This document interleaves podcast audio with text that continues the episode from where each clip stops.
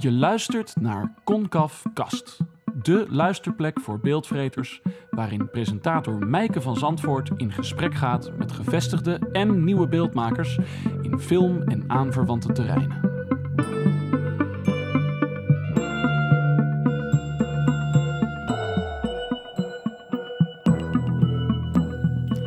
Ik zit hier in de Verkadefabriek in Den Bosch met Ilona van Hekeren, die hier de filmprogrammeur is. We zijn uh, gaan zitten in zaal 4, waar op dit moment geen film draait. Um, zodat we hier lekker rustig een gesprek kunnen voeren. Um, Ilona, een filmprogrammeur, wat houdt dat vak eigenlijk in? Jeetje.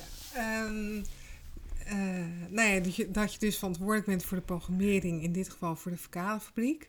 Uh, toen we 13 jaar geleden van start gingen, begonnen we met drie filmzalen. Daarvoor had ik meegedacht um, over wat de behoefte zou kunnen zijn in Den Bosch op het gebied van film. Er was toen de tijd alleen Filmtheater Jeroen met één zaal in het toenmalige Centrum voor de Kunsten.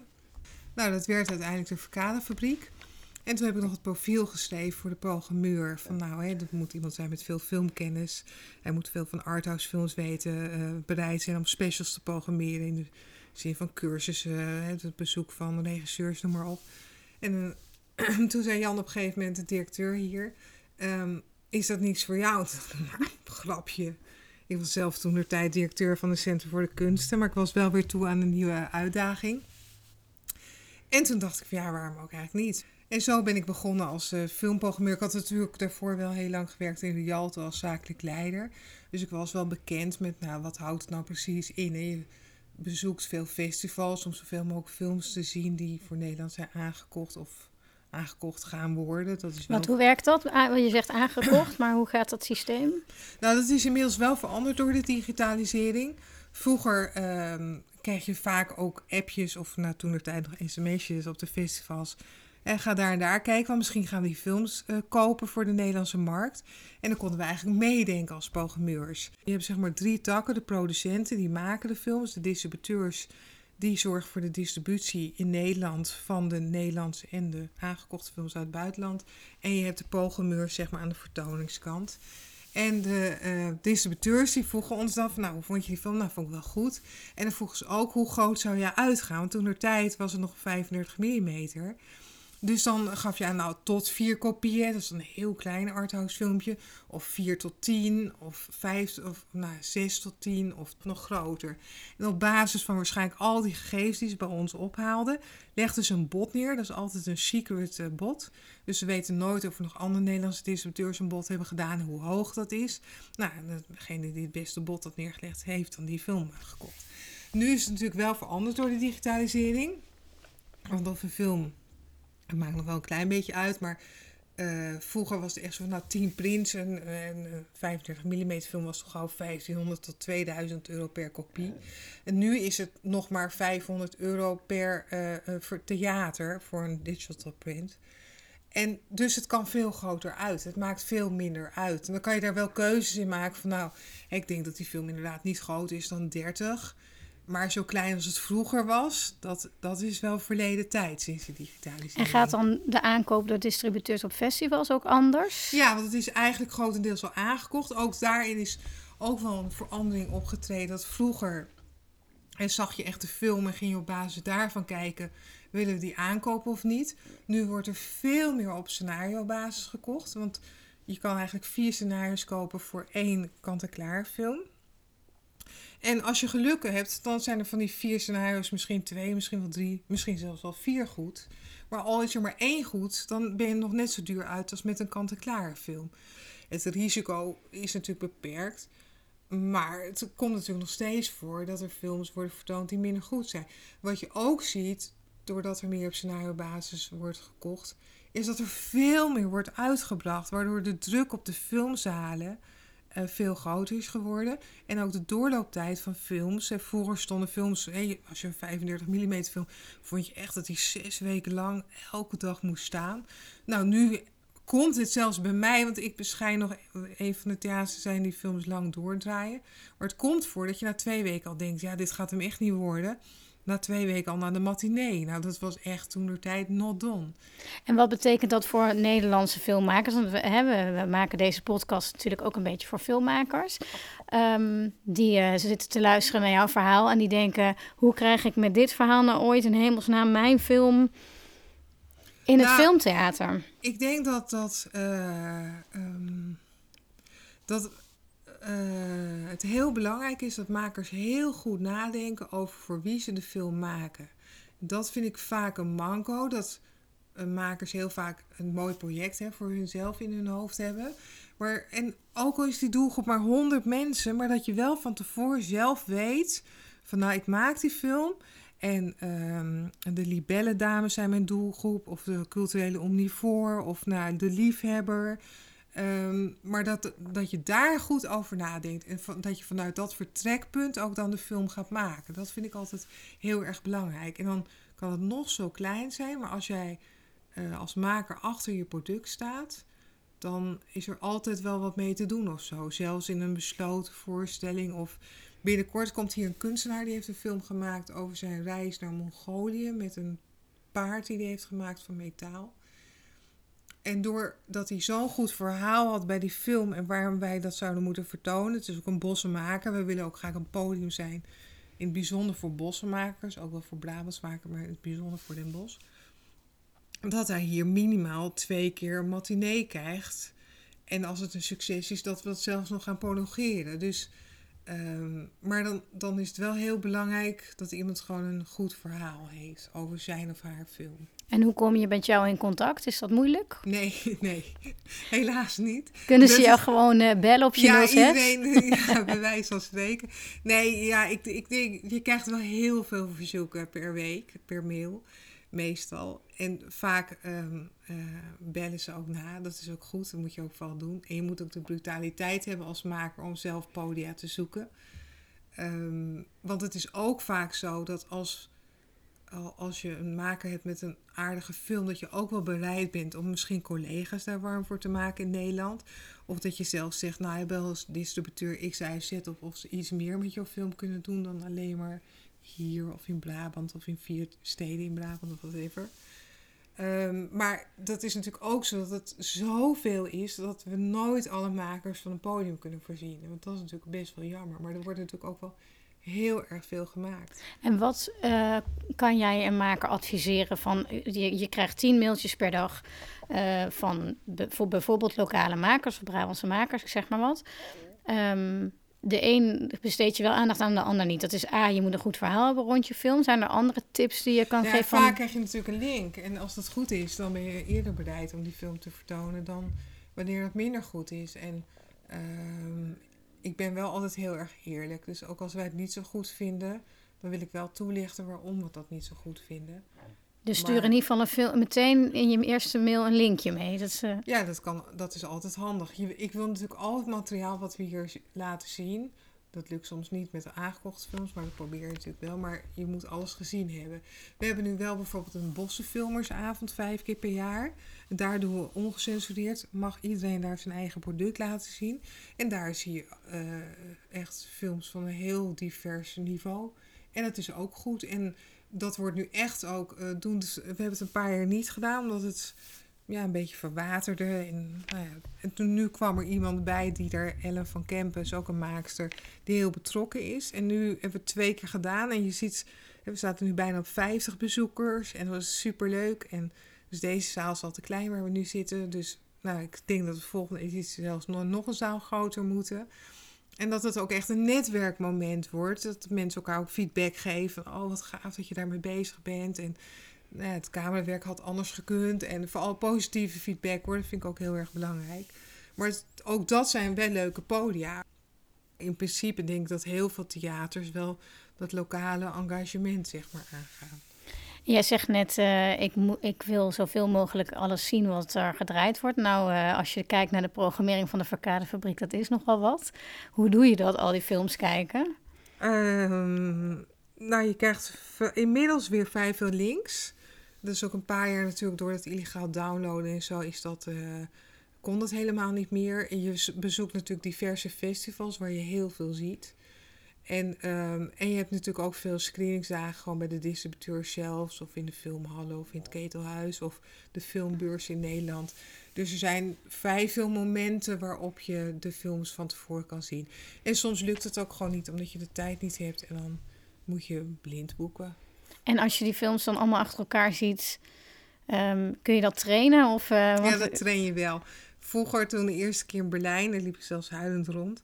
Het is best wel heftig, zo'n festival. En waarom moest je huilen? Ja, gewoon van vermoeidheid en van frustratie. En ik had een hele timetable gemaakt wat ik allemaal die dag ging zien. En na twee dagen had ik nog één film gezien. Omdat ik allemaal toen er tijd nog van de sms'jes kreeg dat ik naar een andere screening moest.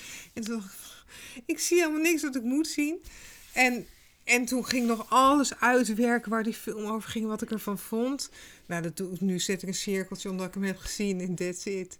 Dus daar, dat train je wel. Maar het neemt niet weg dat... Natuurlijk is het super, super, super leuk. Die festivals Toronto, super leuk. Kan is veel minder leuk, want dan moet je heel lang in de rij staan.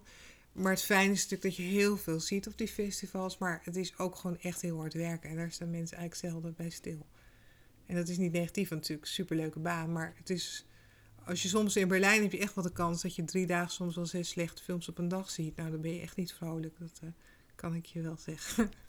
Want je wordt er ook een beetje raar van als je zes films per dag ziet, ja, of je niet? een soort zombie of zo. Je bent gewoon blij dat je s'nachts even een kilometer naar huis loopt vanuit het hotel. En even nog een biertje drinkt met je collega's, omdat je echt totaal brak bent. En je leert het ook wel naarmate je het vaker doet loslaten. Dus dat... Uh, kan je ook nog normaal naar een film kijken? Dat weet ik niet. Dat denk ik eigenlijk niet. Nee, het, is echt wel werk geworden. Dat is best wel jammer. Maar ja, je gaat weer van andere kunnen. Ik hou heel erg van muziek, dus dan ga je daar weer meer van genieten of zo. Maar bij elke film zit ik wel te kijken met een oog vanuit je vak of zo. En niet omdat je denkt, nou, ik ga even lekker filmpje pakken of zo. Dat is wel jammer. Maar er zijn er ook films bij, zoals Hell or High Water. Vond ik echt geweldig dat is dan wel weer heel fijn dat je zo kan genieten van de film of zo. En Tonio vond ik een aangename Nederlandse verrassing. Het ging natuurlijk echt slecht met de Nederlandse films. Ik heb ook echt Nederlandse films hier niet gedraaid. Zoals Hemel, die vond ik echt toen de tijd echt heel matig. En ik vind, we zijn natuurlijk altijd of al vrij lang heel goed in kinderfilm. Hè, met Knetter en allemaal dat soort films. En we zijn heel goed in de hele commerciële films, de Gooise Vrouwen en dat soort dingen. Maar we waren echt heel slecht met de arthouse film eigenlijk. En het lijkt erop dat we daar zomaar een opleving in hebben of zo. Dan is het nog wel heel erg traditioneel. Hè? Publieke werken, knielen op een bed, violen, tonio, noem maar op. Maar het is wel hoopvol. En waar het nog steeds wel aan hapert is op het gebied van scenario, vind ik, en de acteursregie. Ik vind dat als je naar de Belgische cinema kijkt, dat vind ik echt het voorbeeld. Hè, hoe een kleine filmindustrie um, gewoon hele prachtige juweeltjes kan laten zien. Met vaak minder budget. En daar, daar, uh, daar vind ik met name de acteursregie veel beter. Um, hoe komt dat, denk je, dat zij dat beter kunnen? Ja, ik, ik, ik, weet het, ik weet het niet. Maar ik, ik denk dat we in Nederland heel erg de neiging hebben om aan overacting te doen. Dat het er te dik bovenop moet liggen.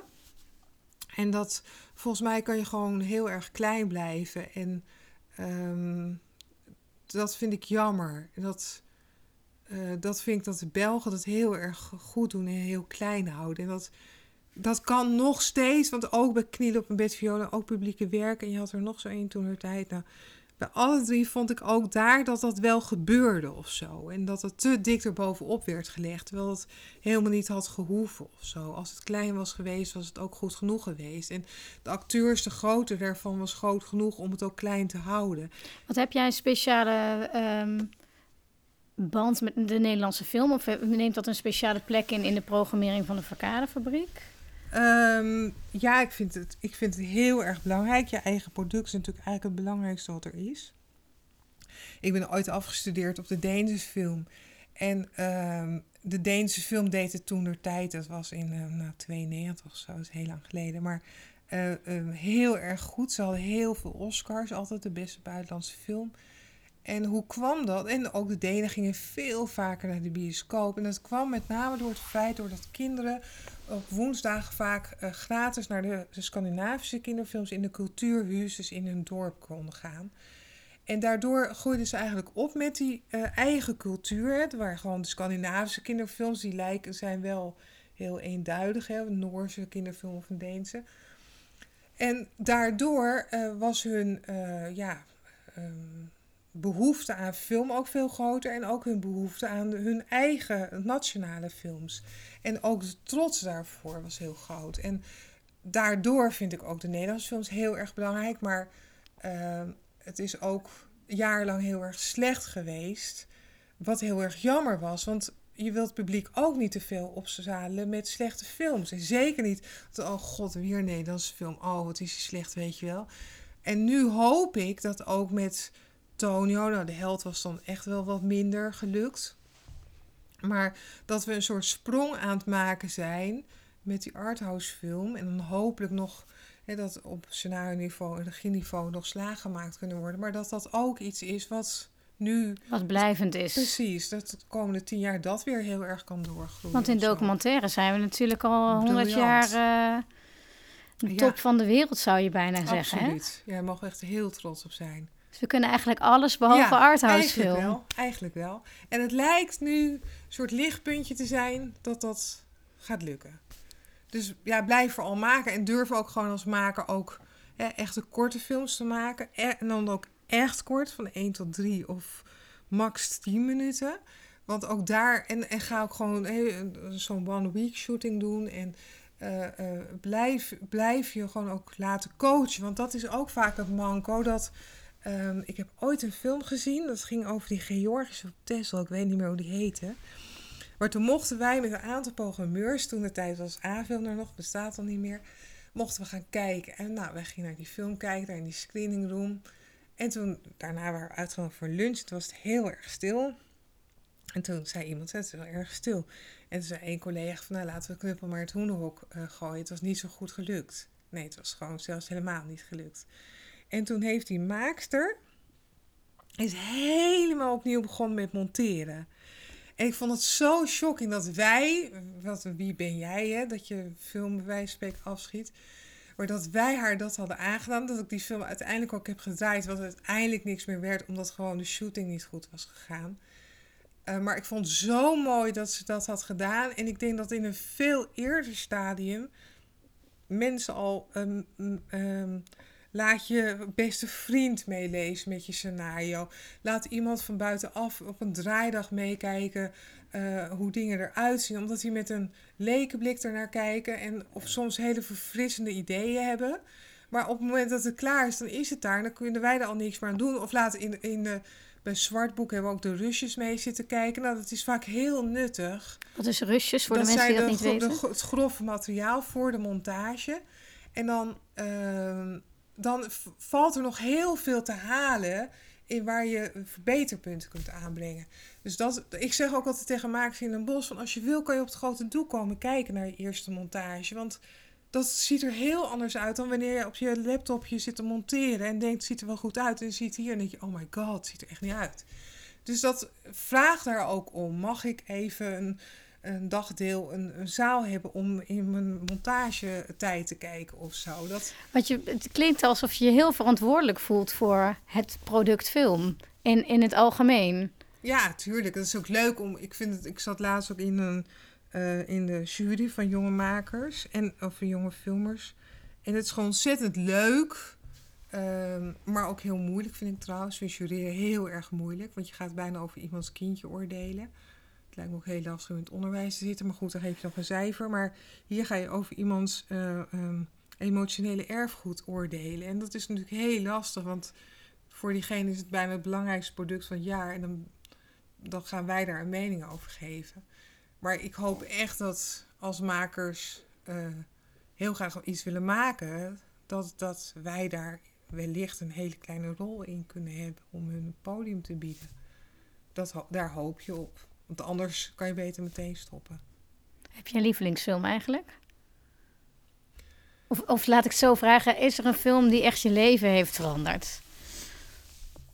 Nou, als je dat nu zo vraagt, dan zullen er wel meer zijn. Maar Nobody Knows heeft denk ik wel echt enorme indruk op mij gemaakt ooit. Vertel, waar gaat hij over? Het gaat over vier kinderen die overleven in Tokio volgens mij. En dat lukt dus niet zo goed. En het is echt extreem heftig en zo mooi. En het is denk ik een van de weinige films waarvan ik nog twintig minuten daarna in de zaal heb gezeten om gewoon het verhaal tot me te laten komen of zo. En toen we ook vijf jaar bestonden, mocht ik een soort uh, mijn top vijfje maken. Daar zat hij ook in. Maar mensen willen het dan gewoon niet zien, want het is zo'n gitzwarte film. Maar het is zo wonderschoon. En, en wat ik wel heb gemerkt is dat, nou ja, naarmate natuurlijk, nou, we hebben inmiddels heb ik denk ik een paar duizend films gezien. Dat vroeger vond ik wellicht de romantische comedy leuk of zo, bij wijze van spreken.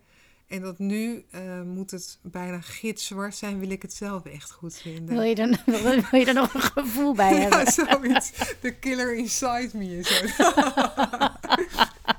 maar je, dat klinkt wel of je een beetje afgestompt raakt ja, als misschien wel. Ja, aan de andere kant, zo'n Hell or High Water is dan weer verrassing. En Nocturnal Animals vond ik echt geweldig. Dus er komen ook nog regelmatig dingen voorbij. Maar je bent er wel veel kritisch in geworden. En het is ook bijna logisch of zo. Maar ja, er zijn ook altijd wel... Uh, ik vond zelfs maar Adentro toen de tijd mooi. Omdat ik gewoon halverwege de film brak en dat ook niet meer kon herstellen. Dus er zijn altijd die hele mooie kleine juweeltjes waar je dan helemaal voor gaat. Stel je wil filmprogrammeur worden. Ja, er zijn natuurlijk maar twintig grote filmtheaters of zo. En die doen misschien nog wel meer steden. Wij doen nu vijf steden totaal, dus dat gebeurt gewoon.